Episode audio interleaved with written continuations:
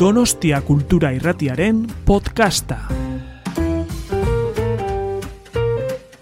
Buenas tardes, gracias por estar aquí con nosotros, por compartir este rato de charla sobre la obra poética de Francisco Javier Irazoki.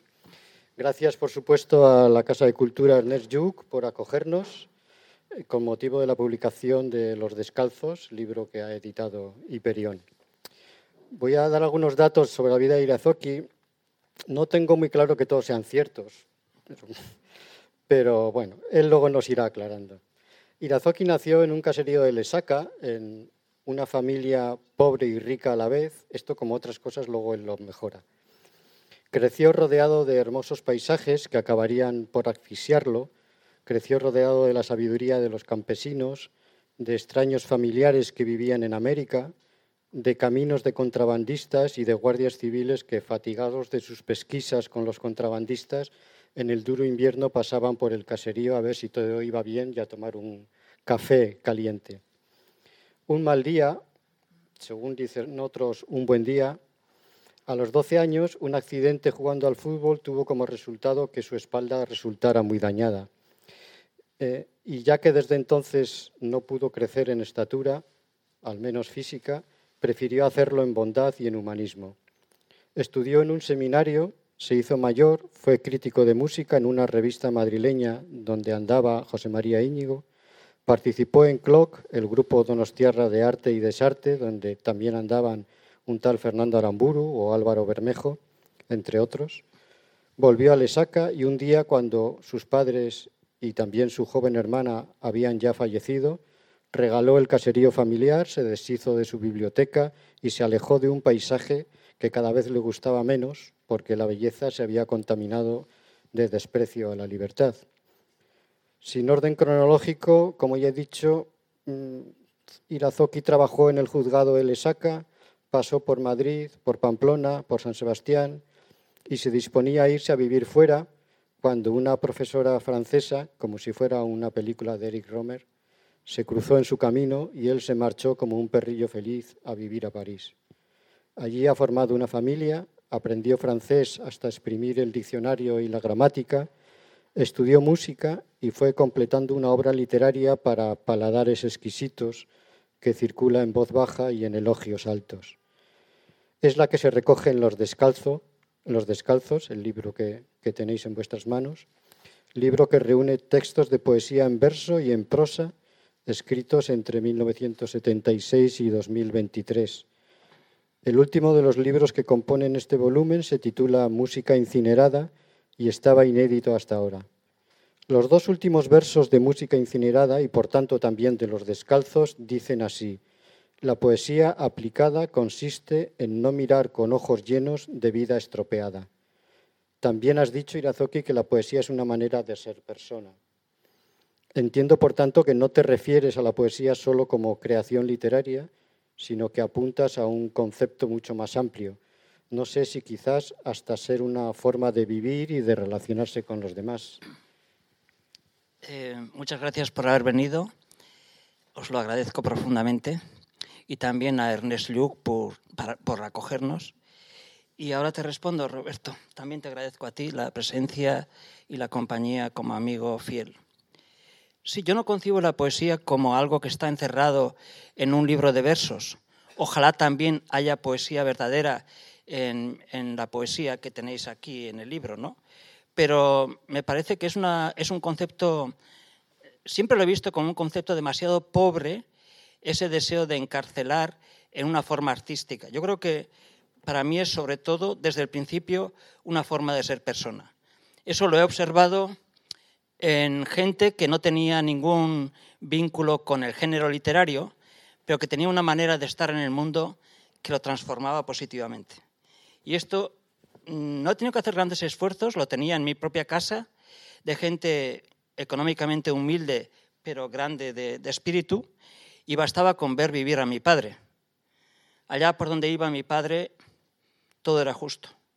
Y eso fue muy emocionante para mí y una visión directa desde el principio de la poesía. Una poesía no encarcelada en el arte, sino eh, expandida en la vida. Y efectivamente yo concibo la, vida la, poesía de esa manera. ¿Quiénes son, ¿Quiénes son los descalzos que han formado o que forman parte de tu vida? Bueno, Los Descalzos es el título de un poema en prosa dedicado a mi madre, porque mi madre, sin eh, exhibir ninguna queja, de una manera absolutamente normal, sin aspavientos, un día me dijo, no tuve zapatos hasta los 20 años. Y es verdad que yo había visto a sus hermanos trabajar en el campo siempre descalzos. Y entonces, eh, claro, luego yo eso lo ensancho y es también una manera de estar cerca de los desfavorecidos. De ahí el título genérico. En ese poema escribes, eh, todos mis familiares eran doctores en nubes o esclavos del horizonte, y pasé la infancia descifrando el suelo celeste. Es tu infancia que sospecho nunca ha dejado de guiarte. Eh, tiene Borges una frase, no sé si es un verso, ahora no lo sé, donde dice, eh, él que era ateo, eh, dice, Señor, dame fuerzas para soportar tanta belleza. Y eso yo lo he vivido. Yo he vivido de verdad en el paraíso cuando fui niño. Era de una belleza que tú conoces y otros amigos que están aquí. Eh, la naturaleza era armónica, hermosísima.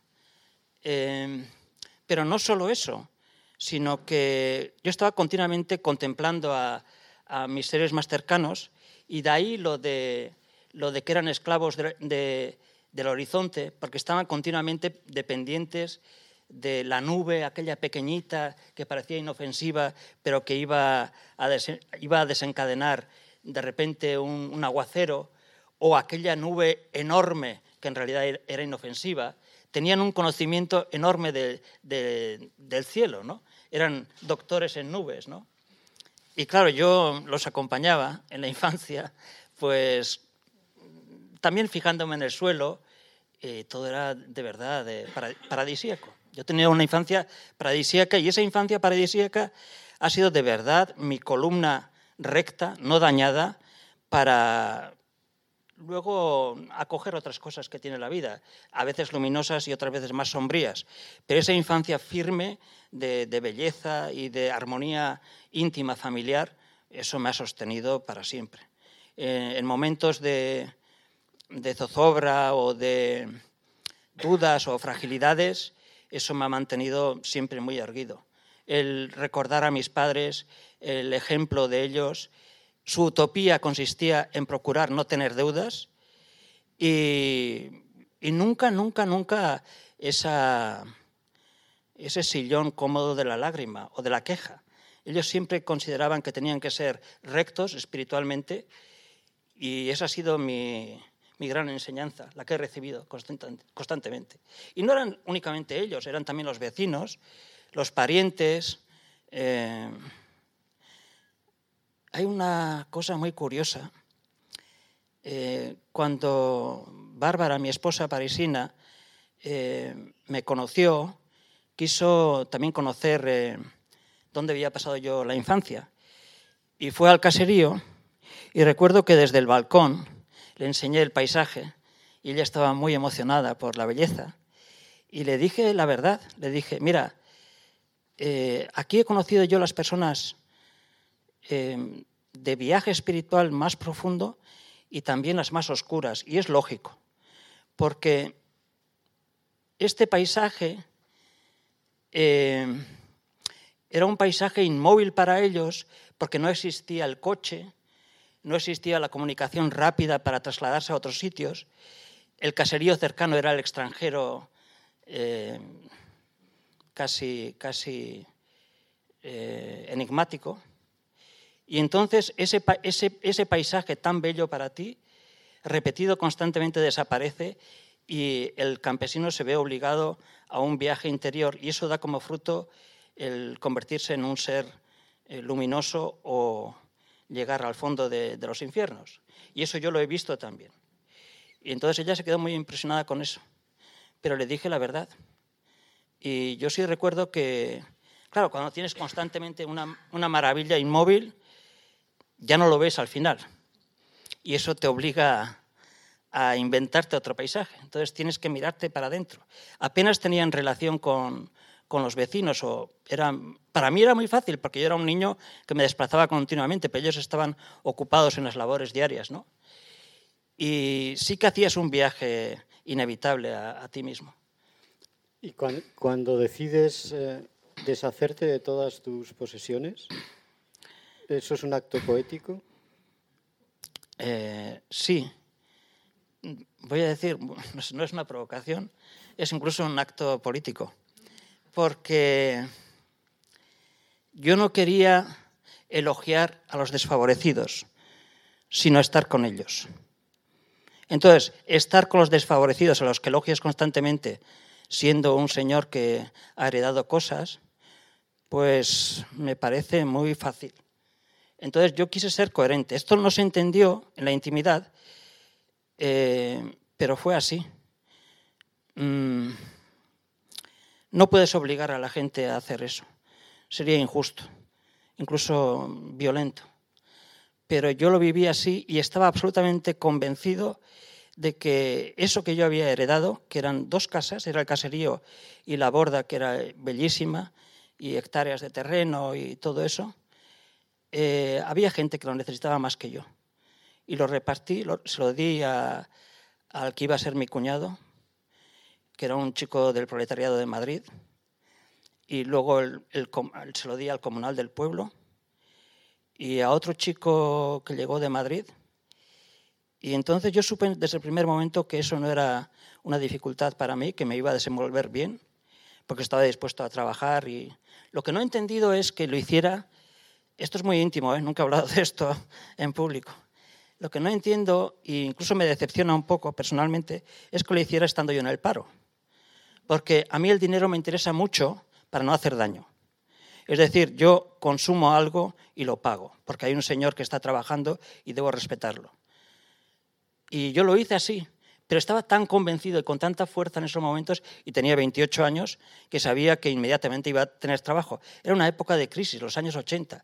Aporreé la puerta del alcalde, y, que no me conocía prácticamente de nada, y eh, a la semana siguiente estaba trabajando en el ayuntamiento. Pero Irazoki, no solo te, desprendes de esas posesiones, digamos, que se puede reconocer más como lo material, ¿no?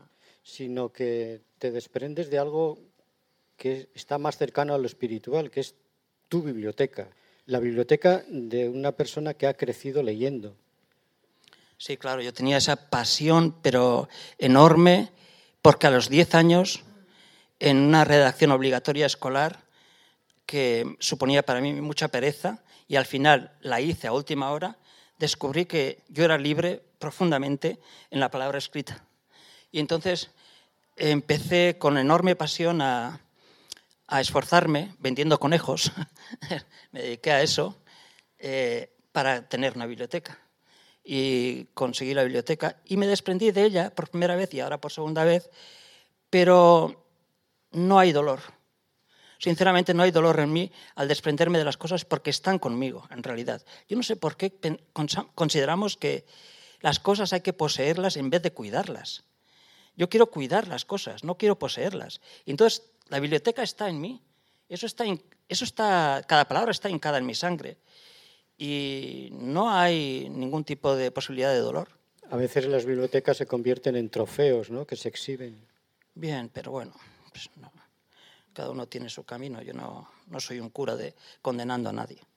Oye, volviendo al libro, el, libro tiene dos partes mm, bastante diferenciadas. Una de ellas es la primera, que reúne varios libros, donde escribes, eh, digamos, poesía, entre comillas, convencional, poesía en verso. Y luego, eh, ya con, con, retrato de un hilo, a finales de, la década, de la última década del siglo pasado, si no me confundo. los hombres intermitentes. perdón, con los hombres intermitentes, presentas tu primer trabajo eh, de, poesía en prosa. Y eso tiene un, entre otras cosas, tiene un resultado, que es que todos empezamos a decir que Irazoki escribe prosa poética. y desde entonces hasta hoy eh, estás intentando desmentirlo. Aquí tienes otra oportunidad. Bueno, ¿qué importa la, la etiqueta, no? Lo que, lo que importa es que el texto te llegue y a veces te emocione.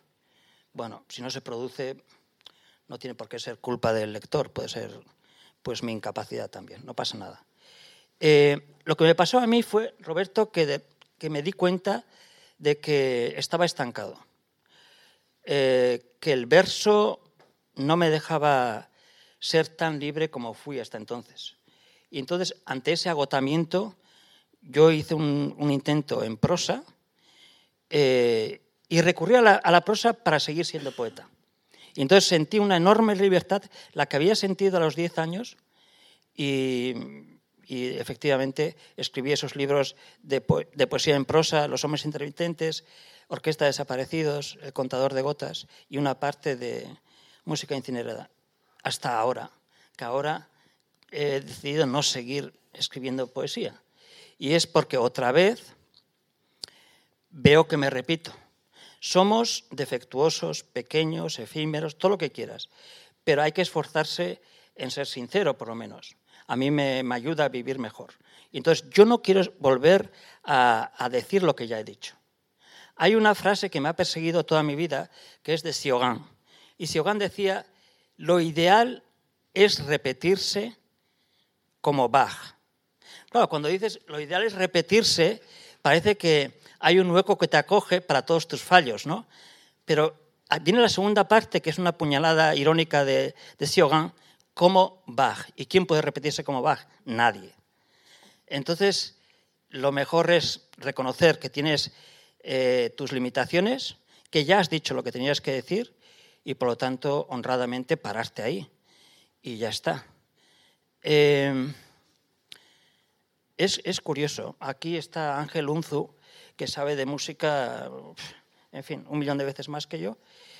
Cuando estudiaba música en, París, en las clases de armonía, un profesor eh, nos dio un fragmento de Bach para que en silencio lo analizáramos después más tarde.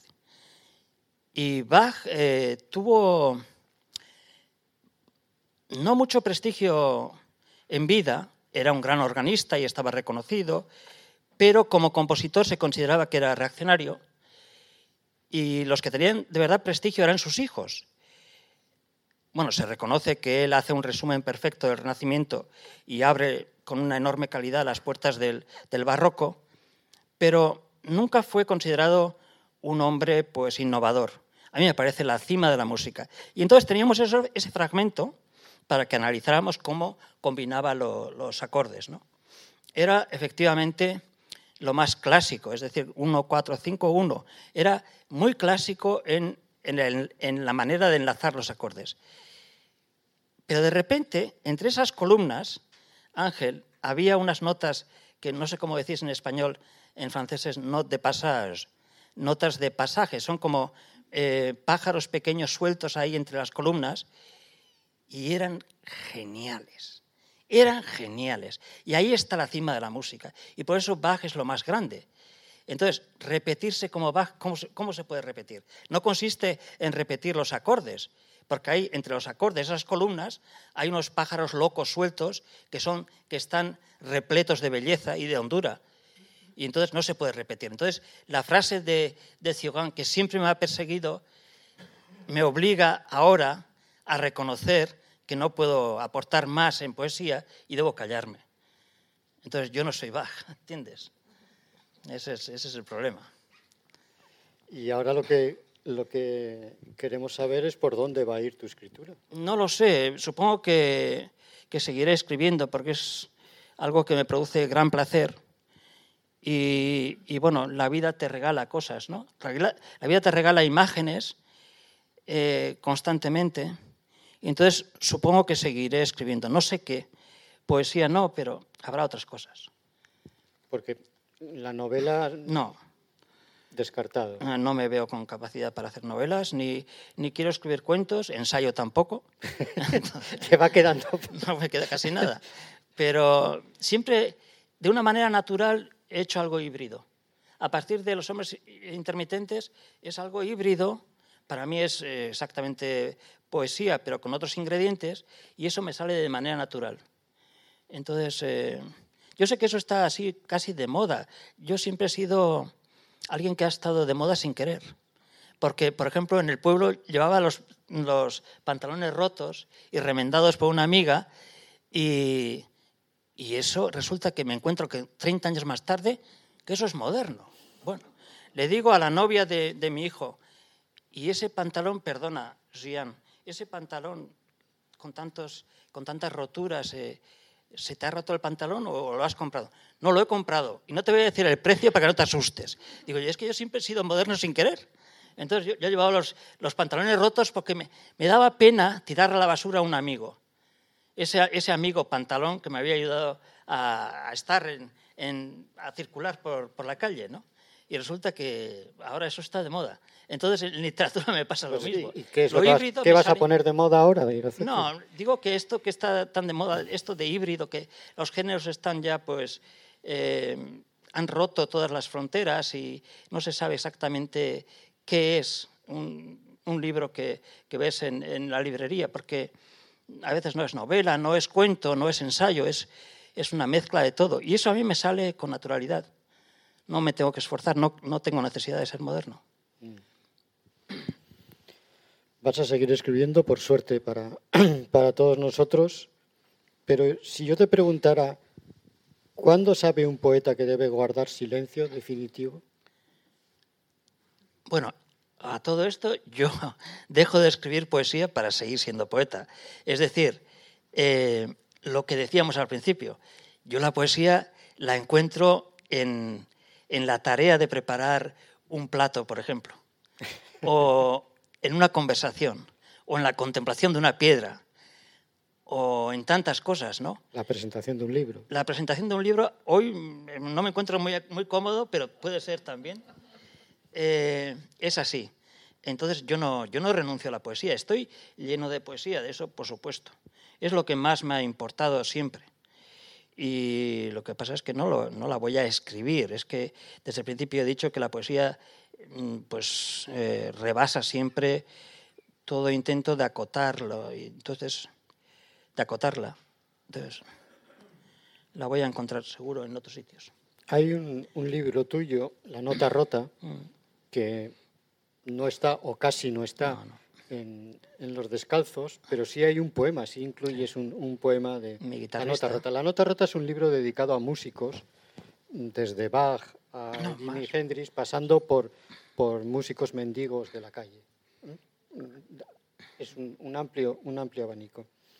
Eh, y concretamente, y te, pregu- te pregunto por qué, concretamente de ese libro has escogido un solo testimonio, que es el testimonio dedicado a una mujer anónima, una mujer que pide limosna en, la calle. Eh, vi que era un poema desde el principio. Y era esta chica que estaba en mi barrio, eh, con la que me encontraba todos los días, y tenía gravísimos problemas con el alcohol. eh, ella mm, luchaba contra esas tensiones y contra esa tristeza con una guitarra que ella no sabía tocar, pero que como los viejos bluesmen, pues tenía una botella, la ponía en el traste de la guitarra e iba improvisando eh, constantemente durante todo el día. ¿no? Entonces, la contemplación de esa imagen pues me, me conmovió mucho. Entonces escribí ese texto. Y ella además iba siempre con todas sus pertenencias en un carrito de la compra y llevaba también cuadros que pintaba. Y entonces me la encontraba diariamente hasta que desapareció, embarazada, y ya no la volví a ver. Era una chica joven de unos 30 años. Y a veces la veías pues eh, sentada ante la boca de un metro y, y constantemente repetía un acorde. ¿Pero por qué eliges ese texto para este Porque libro para mí era- cuando has desechado el resto Sí, de, pero de para la mí era rota? claramente un poema, no era eh, mi vivencia personal con un autor o, lo que me sugiere la música de, un autor, del tipo que sea, ¿no? sino que era una persona concreta que para mí representaba pues, una travesía difícil de la vida, complicada, y que era un poema, entonces hago un retrato de ella, que es casi una foto verbal. Entonces, en, París eh, muchas veces nos has contado tu, relación, entre comillas, lo de relación con, los mendigos, ¿no? con, mm. la gente que estaba en, o que está en la calle. Mm. ¿Por qué te atrae ese tipo de personas? ¿Qué encuentras en ellos? Hombre, mm, encuentro mucho, mucho dolor, gente que ha sido arrumbada en, lo que es eh, la convención de la sociedad y es gente sufriente. Y entonces, y a veces eh, te preguntas por qué.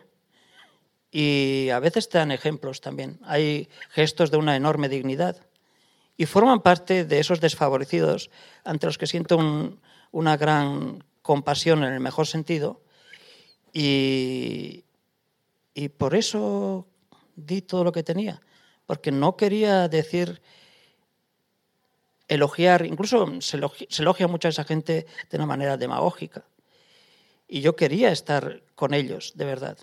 O sea, no poseer nada y estar con ellos. Pero claro, en unas circunstancias mucho más favorables en mi caso, porque yo no tengo ningún tipo de adicción, no, no, no, nunca me han interesado las drogas y siempre he cuidado mucho mi, mi cuerpo y mi vida para ser sensato, para obrar bien pero quiero estar con ellos, con, los que no, poseen nada y son los grandes perdedores.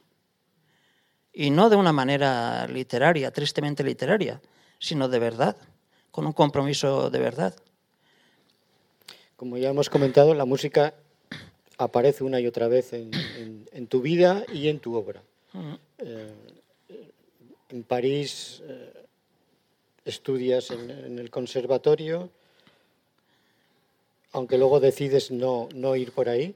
No sé si quieres contarnos un poco por es Muy, es muy interesante. ¿En qué momento decides que no quieres ir por ahí? Es muy interesante. Es que yo siempre tuve eh, el presentimiento de que mi verdadera vía de expresión, la que, en la que yo podía em, más sinceramente canalizar lo que fuera mi sentimiento, mi visión de la vida, era la música. Eso desde crío, ¿no? Y siempre, siempre tuve una enorme pasión por la música sin conocimientos técnicos. Entonces, cuando me instalé en París, eh, pues me inscribí en el conservatorio, hice todo el solfeo, hice armonía y composición, hice tres, años de historia de la música, etc. Y entonces, eh, claro, mm, semanalmente tenías que escribir pequeños fragmentos de música que luego se analizaban en, el conservatorio, se, se puntuaban, etc. En el primer año conseguí la mejor nota del conservatorio, un 19 sobre 20. Y yo recuerdo al profesor que nos había examinado en casa, tenéis que llevar un, trabajo hecho en casa y luego en clase, y elogió a alumnos que tenían un 13, un 12, y luego tocó hablar sobre mí. Y dijo, Irazoki nunca tendrá problemas porque es muy trabajador. Fue todo lo que me dijo. Y claro, yo lo entendí, no había talento. Eh, yo conocía la técnica, eh, podía simular Luego una orquesta interpretaba lo que habíamos escrito, sonaba de maravilla y yo no estaba ahí. Entonces me di cuenta de que yo había llegado al conocimiento técnico de la música demasiado tarde y que yo no podía expresarme ahí, que todo era artificial. Y entonces, claro, yo eso lo dejé mm, con una enorme gratitud por conocer eh, la interioridad de la música técnica y poder escuchar la música con más matices, más riqueza de escucha. Pero yo no puedo expresarme porque no, no, he llegado demasiado tarde. No, no. Yo veía, por ejemplo, a compañeros míos eh, de, armonía y composición que eran músicos eh, de jazz y músicos de rock que en un momento dado se dieron cuenta de que querían avanzar y les faltaba una formación, digamos, reglada y, y de todo el conocimiento técnico de la música y se ponían conmigo a estudiar. Y entonces, claro, había una diferencia abismal porque estaban empapados de música y yo no estaba empapado de música. Ellos tenían una vivencia directa durante años, captaban todas las cosas inmediatamente. Yo recuerdo a una chica que se desesperaba conmigo, me, me cogió un gran cariño y me veía como lo que era, un ser absolutamente torpe. Y me decía, no has entendido, pero si esto es así y así. Y yo pues me esforzaba muchísimo, pero yo llegué demasiado tarde y ya no podía, no era, me di cuenta de que era mejor regresar a la palabra donde ya tenía cierta experiencia, porque musicalmente no iba a aportar nada. En, literatura se habla muchas veces de la musicalidad, de lo que se escribe, sobre todo en poesía. Sí. Roberto, me vino muy bien esa formación musical para escribir con más cuidado, musical. Eso siempre me había llamado la atención, pero después de esa formación he escrito de una manera diferente. Esto el lector no tiene por qué percibirlo, pero es así. O sea que hay un cuidado musical que, fíjate, es fruto de esos años de conservatorio. Así como no pude ser músico, y es un fracaso que debo reconocer, y, es así, yo veo aquí a Ángel García Ronda y, y Mari Carmen Urcola. Pues en alguna clase coincidí con la hija de ellos, que es Ana, y claro, o sea, la diferencia que había entre mi yo esforzado por aprender y Ana era pues la diferencia que hay pues entre esta mesa y el Everest.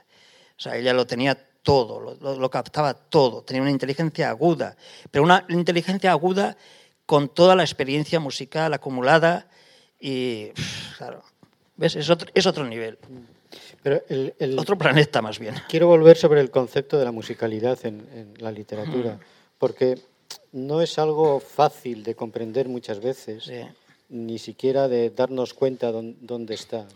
Entonces, sí me gustaría que nos hablara. Claro, eso se llama eufonía, ¿no? El, el, el, sonido agradable de, de, las palabras, ¿no? Y eso es música. De hecho, por ejemplo, yo veo que eh, está muy de moda el recital de poesía acompañado de música, ¿no? Eso a mí me parece contradictorio. No quiero ser eh, eclesiástico, pero yo creo que hay una lucha, porque la, poesía tiene su propia música y la eufonía, si la cuidas, es casi, esa eufonía es casi una enemiga de, algo externo, que venga con la guitarra o que venga con... Me parece a mí, ¿eh? No quiero pontificar, pero lo vivo así. Y, e insisto, esto consiste en, en el sonido de cada palabra y cómo la, unes esa palabra con otra de manera armónica en cuanto a sonidos, de vocales, de, consonantes.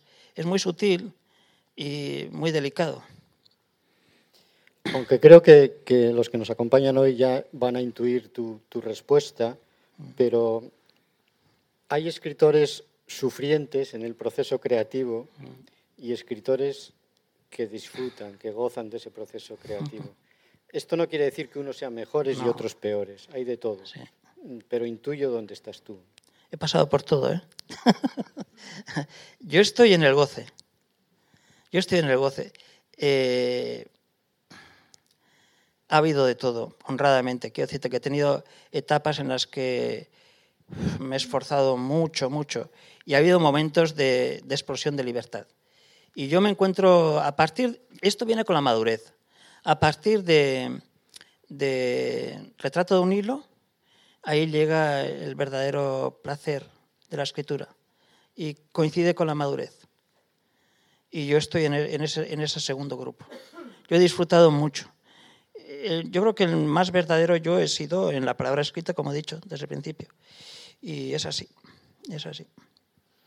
Y el hecho de darte cuenta que una parte importante de, lo que has escrito que no se ha publicado, su destino es la papelera? Hay que ser muy valiente. Primero para darse cuenta hay que ser listo. Mm. Después hay que ser valiente para tomar esa decisión. A veces el listo es el cajón. Depositas las cosas en el cajón, extraes más tarde lo que has escrito. Yo dediqué varios años a un libro en París que yo pensaba que iba a ser en mi mejor libro y con una disciplina protegido por mi esposa diaria, pues me entregué durante años a ese libro. Lo acabé y lo, lo metí en un cajón, que era lo habitual en mí.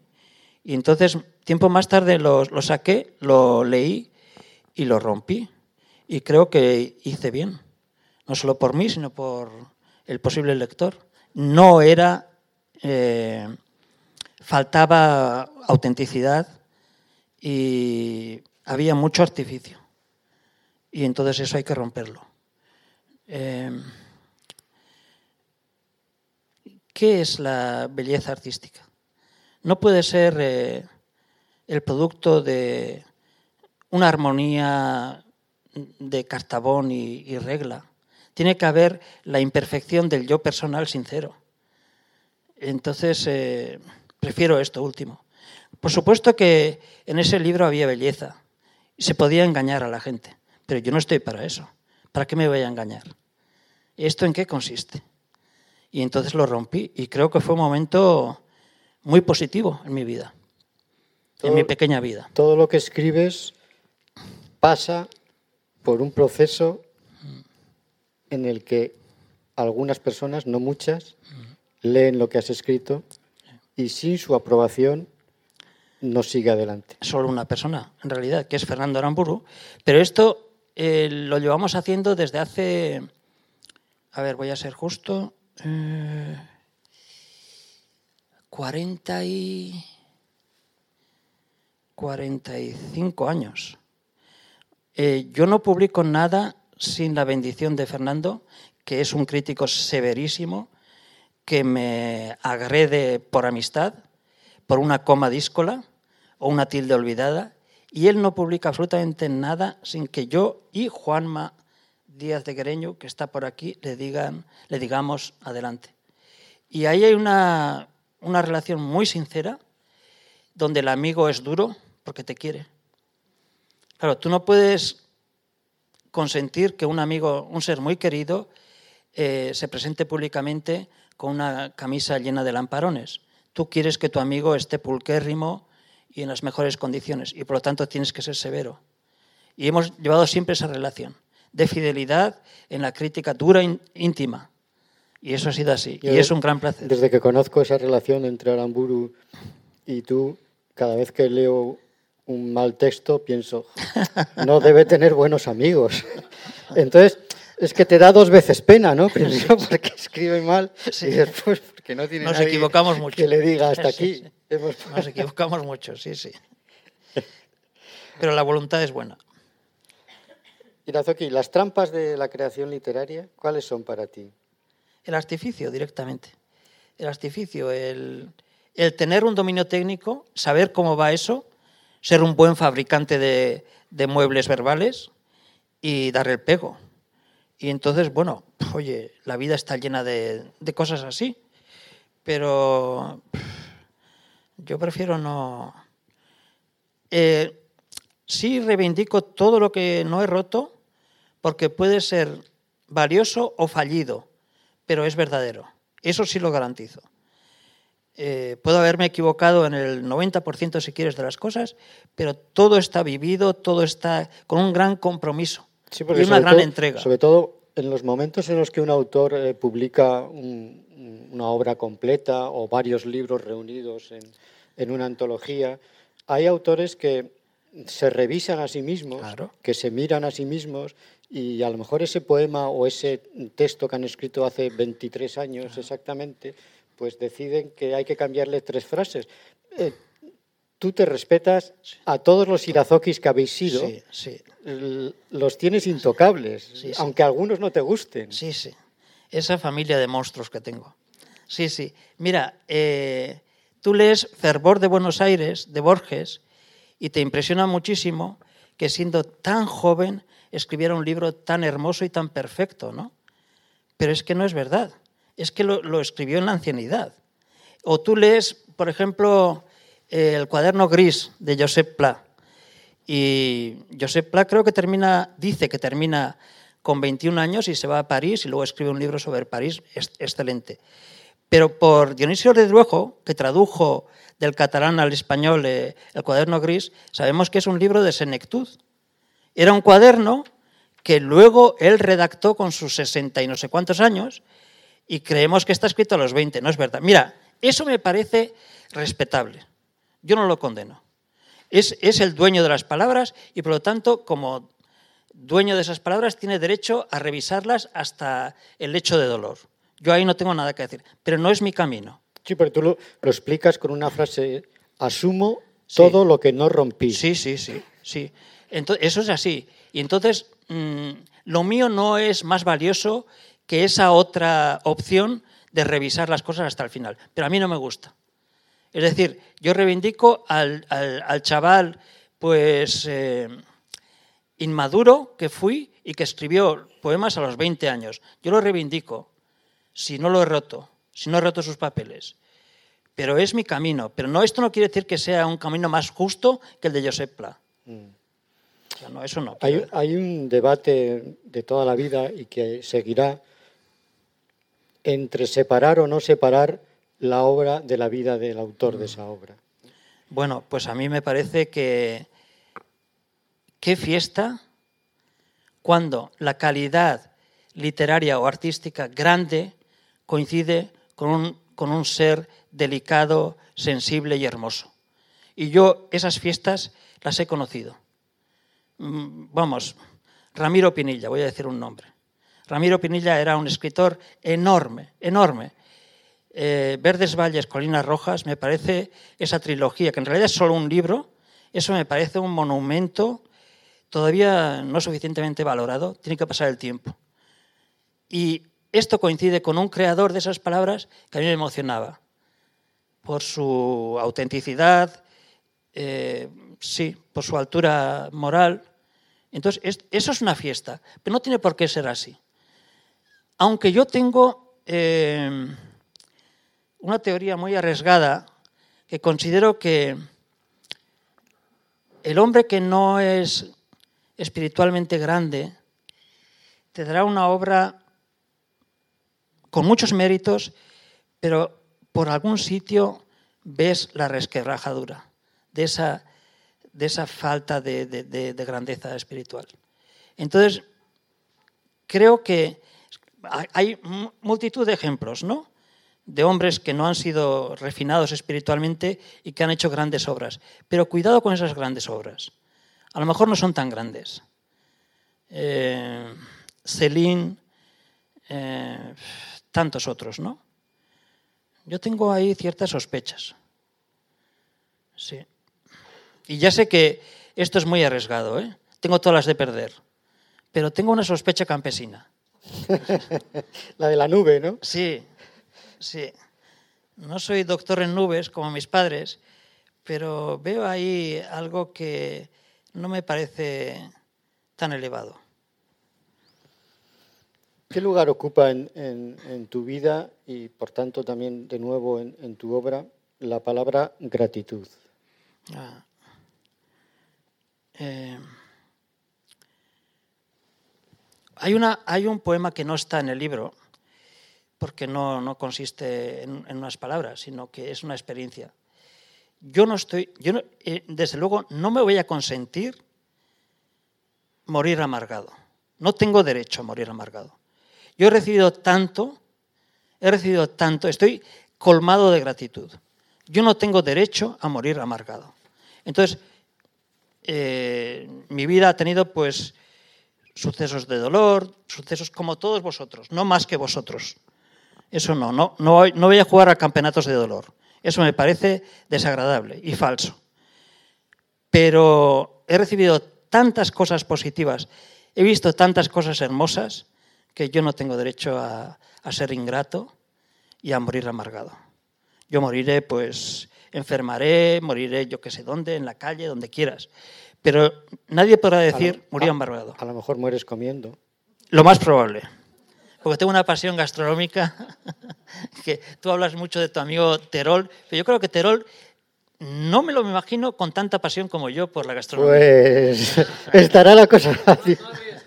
Bueno, yo, o sea, mira, de verdad, Oscar, es que yo despego, despego, pero con... Hay cosas exquisitas, la gente tiene un enorme talento para, para crear platos, etcétera, ¿no? ¿Y qué diré del País Vasco, no? Mira, con cualquier cosa, con una avellana, yo salto y ya no estoy aquí. O sea, soy feliz con, con todo eso. Y ahora tengo, por ejemplo, el proyecto poético de preparar para mi familia todos los días un plato que no he cocinado nunca. Y entonces eso es una aventura preciosa, todos los días. Y sí, me encanta, me gusta muchísimo.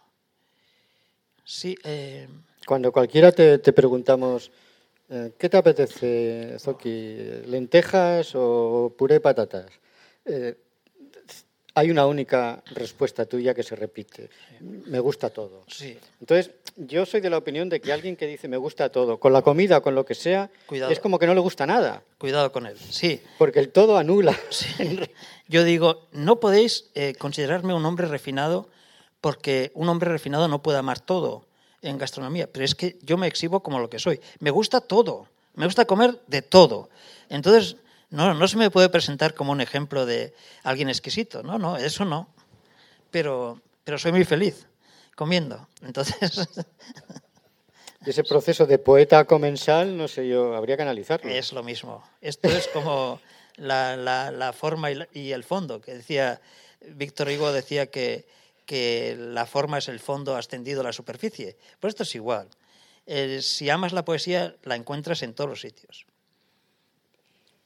Creo que quieres leer algún texto tuyo, Ah, porque nos queda muy poco tiempo. ah sí, sí, sí. Eh, Bueno, luego me gustaría, si os apetece, pues eh, hablar con vosotros, que- con quien quiera, O vamos. que le deis, a, Bueno. que le deis a- alguna fórmula para algún plato nuevo que desconoce.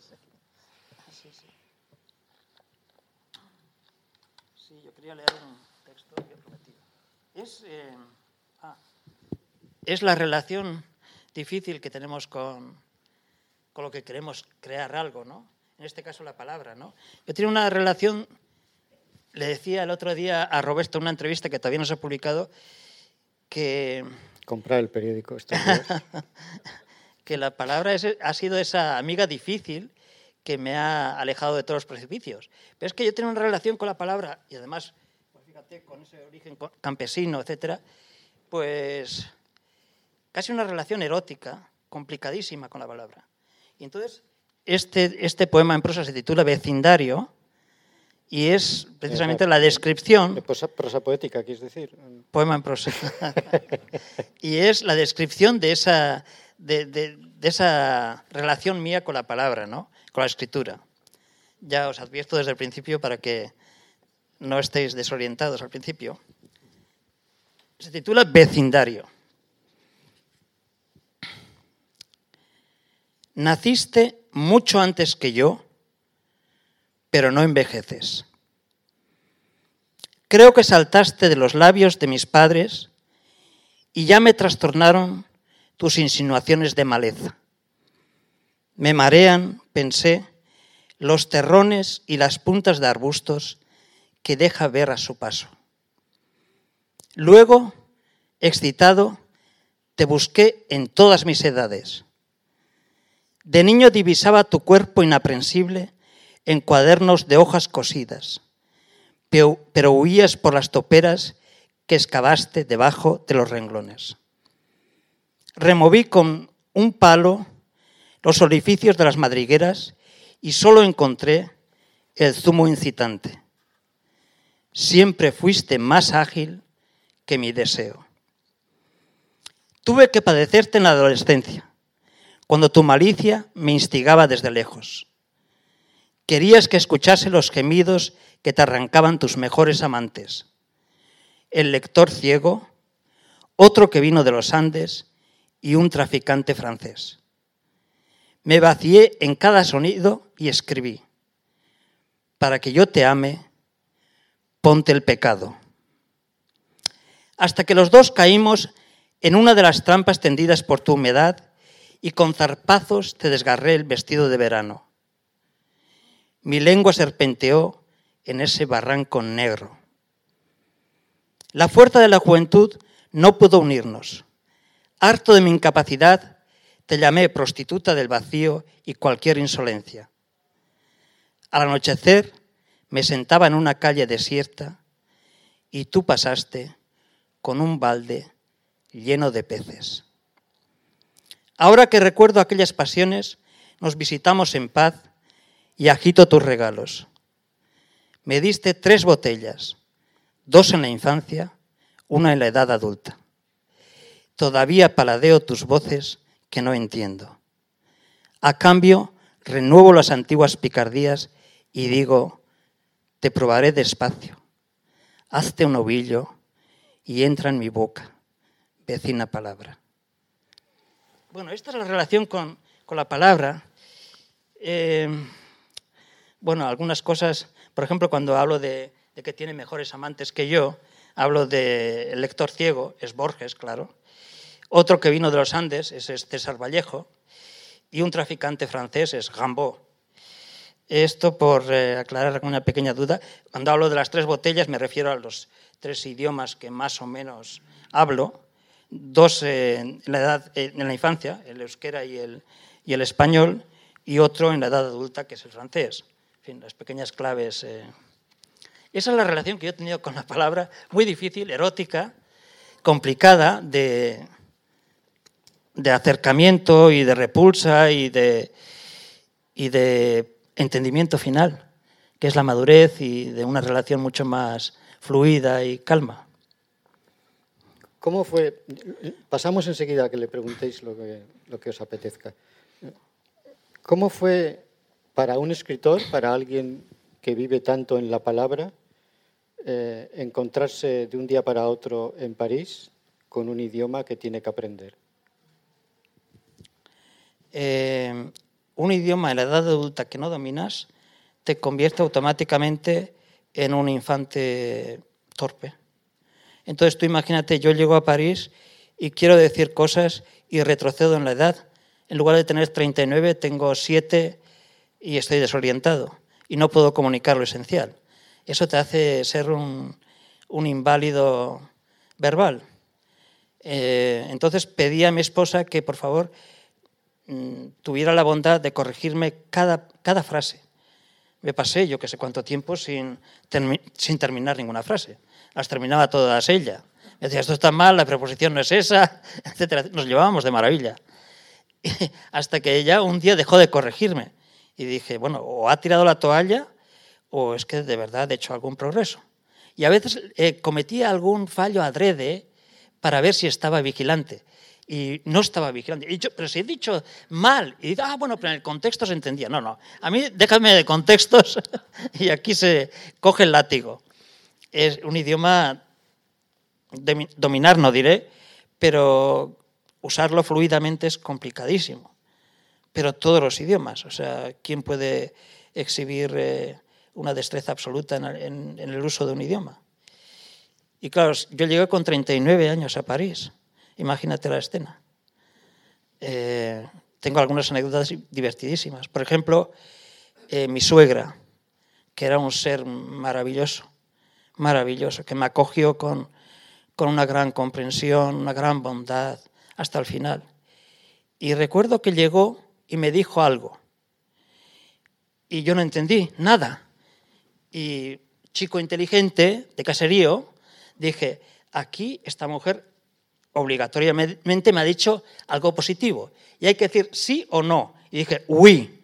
Y entonces ella se alarmó y dijo, pero no sé qué. qué es?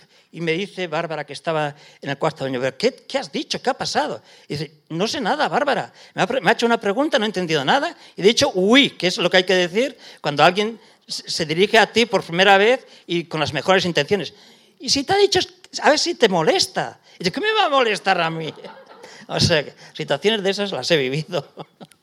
O sea, me había dicho a ver si me molestaba. Y yo dije, pues sí, claro, con, con rotundidad, vamos, como para andar con dudas. Bueno, Irazoki, antes de. Pasamos a las preguntas, luego ya los que queráis que os haga imposición de manos para curaros de, de cualquier problema que tengáis espiritual, pues a la salida y en el banco. Pero de momento, pues levantáis la mano para que os pasen un micrófono. A ver, Óscar. A ver por dónde me sales. Bueno, casi me veo obligado por alusiones. Yo quería hacerte una propuesta, ya que te cuesta encontrar el género. Roberto no ha logrado sacártelo, ya que no va a ser novela, no va a ser ensayo, no va a ser poesía. Y con tu pasión de la, de la gastronomía, ¿por qué no son recetas? Ah. Es una posibilidad que tienes ahí. Oye, tú sabes, en francés las recetas son maravillosas. Tienen toda una retórica, tienen, o sea, toda la historia de la lengua francesa usada con naturalidad en la descripción de los ingredientes de un plato, jo, eso es un paraíso. Qué bueno. Pero para ellos también, ¿eh? Ellos están en el paraíso. Voy a leer una receta, como si fuera Shakespeare.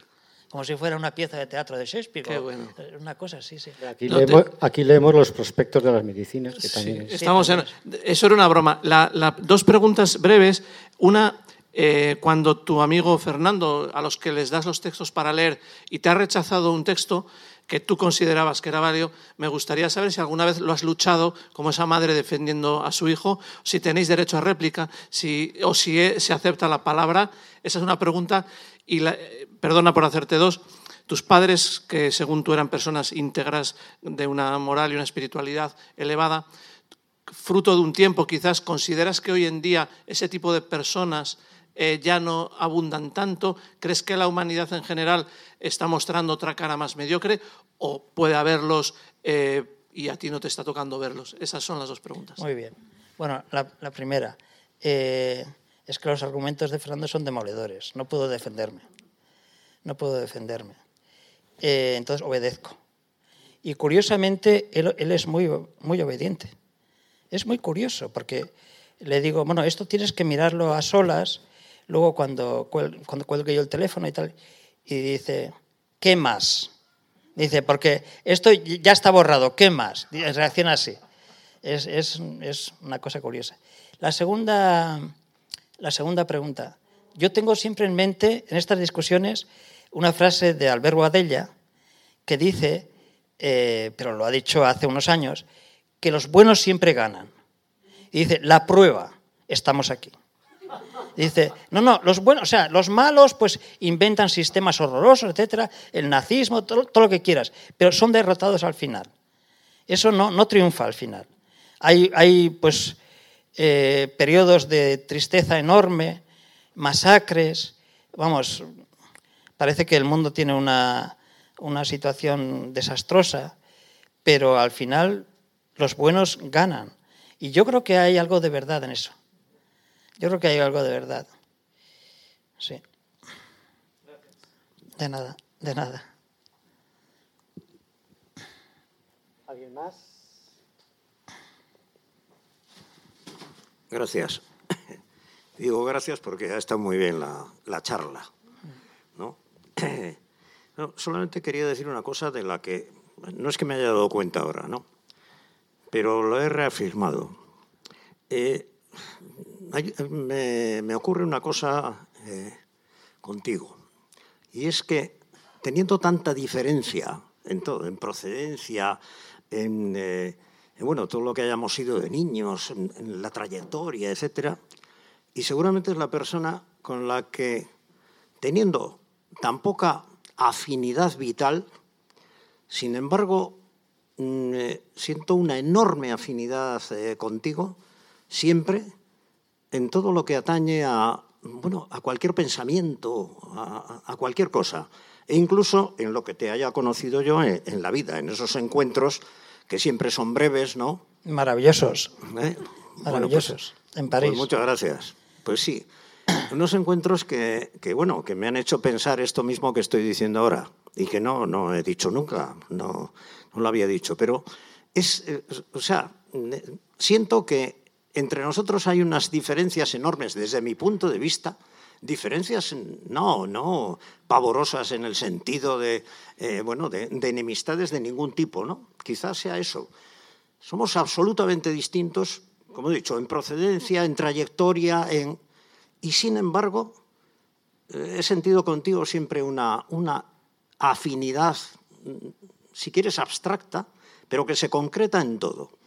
Es decir, siempre que, pienso en alguna cosa o leo alguna cosa tuya y tal, siento que hay una... mm, Eso, esa afinidad existe y existe mucho más allá de nuestras trayectorias, de lo que seamos, de dónde hemos procedido e incluso de lo que pensemos, eh, de lo que pensamos en muchísimas cosas, ¿no?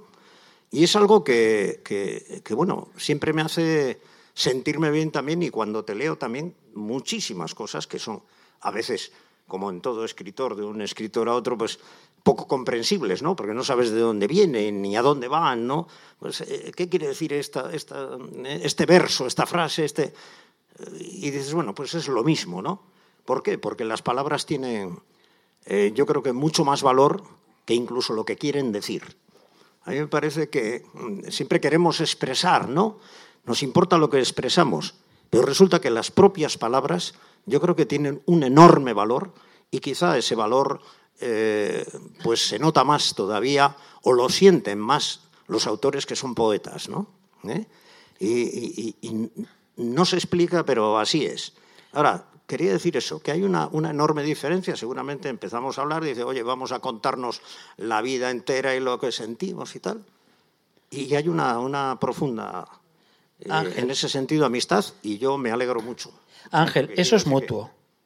Eso es mutuo, pero desde, desde que tuvisteis esa buena costumbre de ir a París y aparecer cada cierto tiempo en, casa y comer juntos y todo eso. Esto es así, es mutuo.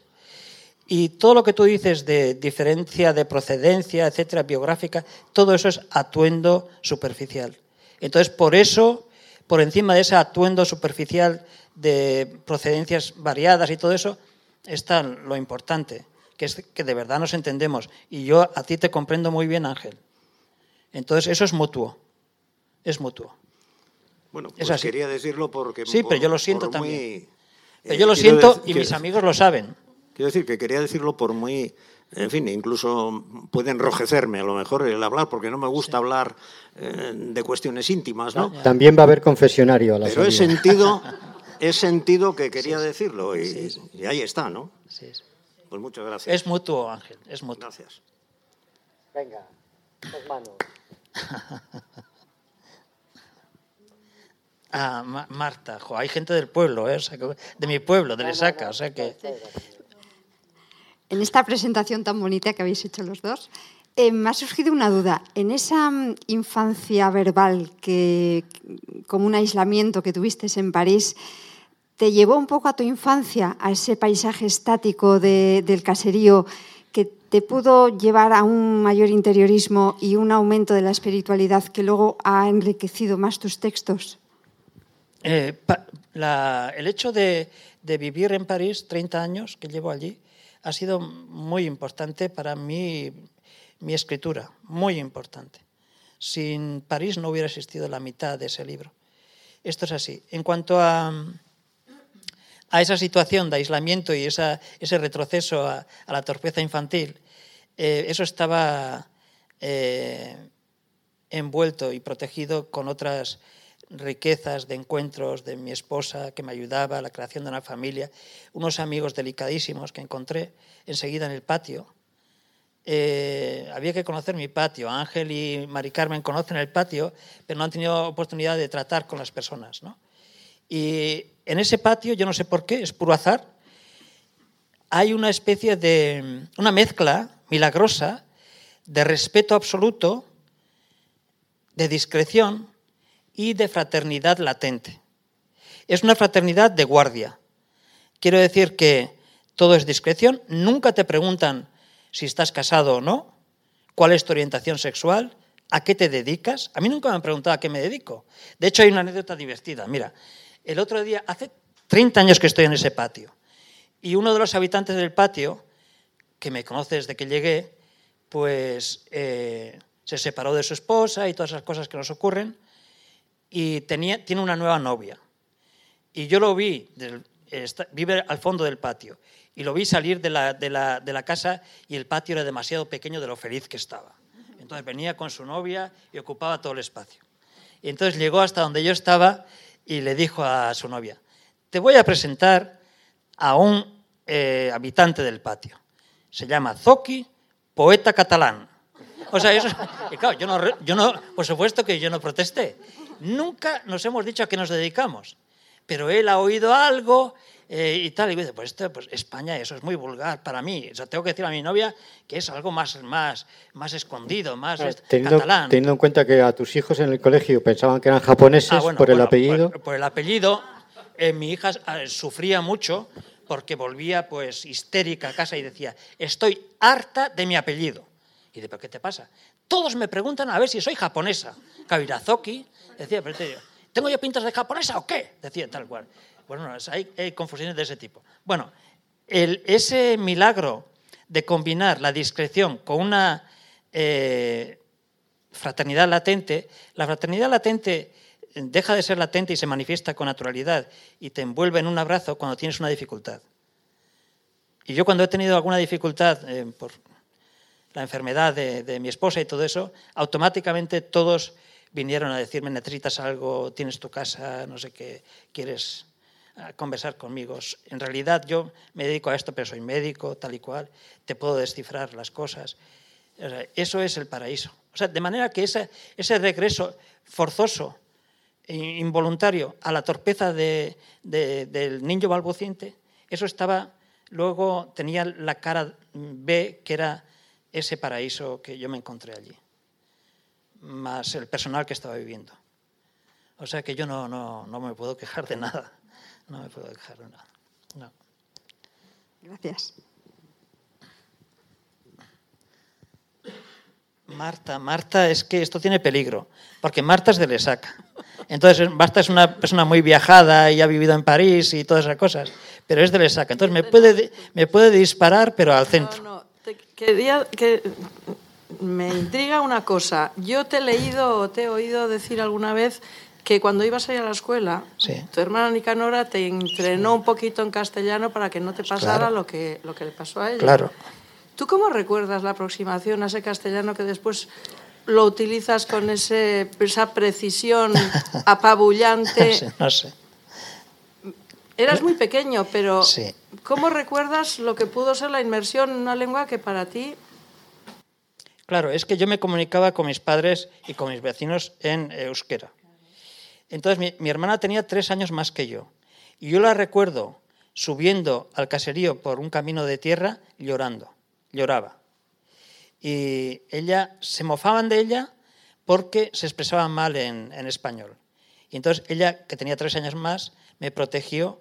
Yo empecé a ir a la escuela a los cuatro años y, vamos, me expresaba más o menos correctamente. Siempre hemos tenido esta obligación de, de superar eh, una imagen previa, un, un lugar común que nos situaba como con el pelo de la dehesa y teníamos que hacer un doble esfuerzo. Nadie que haya nacido en un caserío y que pertenezca a mi generación dirá en el bar, sácame un descafeinado, sino un descafeinado. Eso, vamos, eso es obligatorio. Y todo así. Y, y yo, por ejemplo, cuando tuve esa pasión por la palabra, pues empezaba a leer y llevaba siempre el bolsillo lleno de, de, papeles. Pues no, no, conocía el significado de las palabras, entonces apuntaba, había robado un diccionario oneroso, dos puntos, tal, molesto, tal, no sé qué, y así con todas las palabras. Y tuvimos que hacer un doble esfuerzo. Ahora esa gente muchas veces me hace el reproche de que no, no escribo en euskera, pero no me lo hacen directamente. Los que se mofaban de mí porque iba, era una especie de salvaje que había que tratar con cierto, con cierto desdén, puesto que venía de, de, una falta de, de, de, cultura supuesta y todo eso. Ahora me hacen ese reproche, pero siempre por vías lejanas, no directamente, porque no es, no es así, esto es un juego. O sea, el que ama un idioma ama todos los idiomas, eso lo he dicho siempre. Esto es así, o sea, no inventemos cosas. Y la persona que no ama un idioma eh, se inventa aventuras y proyectos y todo eso y, y entonces desprecia otros idiomas para defender la propia. Y esto, esa trampa yo la veo enseguida, porque es que la biografía me ha obligado a estar situado en el lugar para ver esa trampa.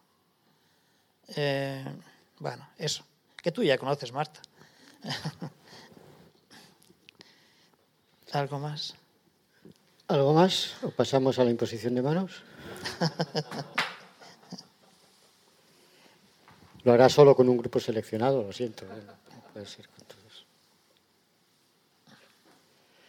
Pues si no hay más preguntas, muchísimas gracias por venir. Ser muchas felices, gracias, muchas gracias de verdad. Muchas gracias. Y hasta otra. Muchas gracias.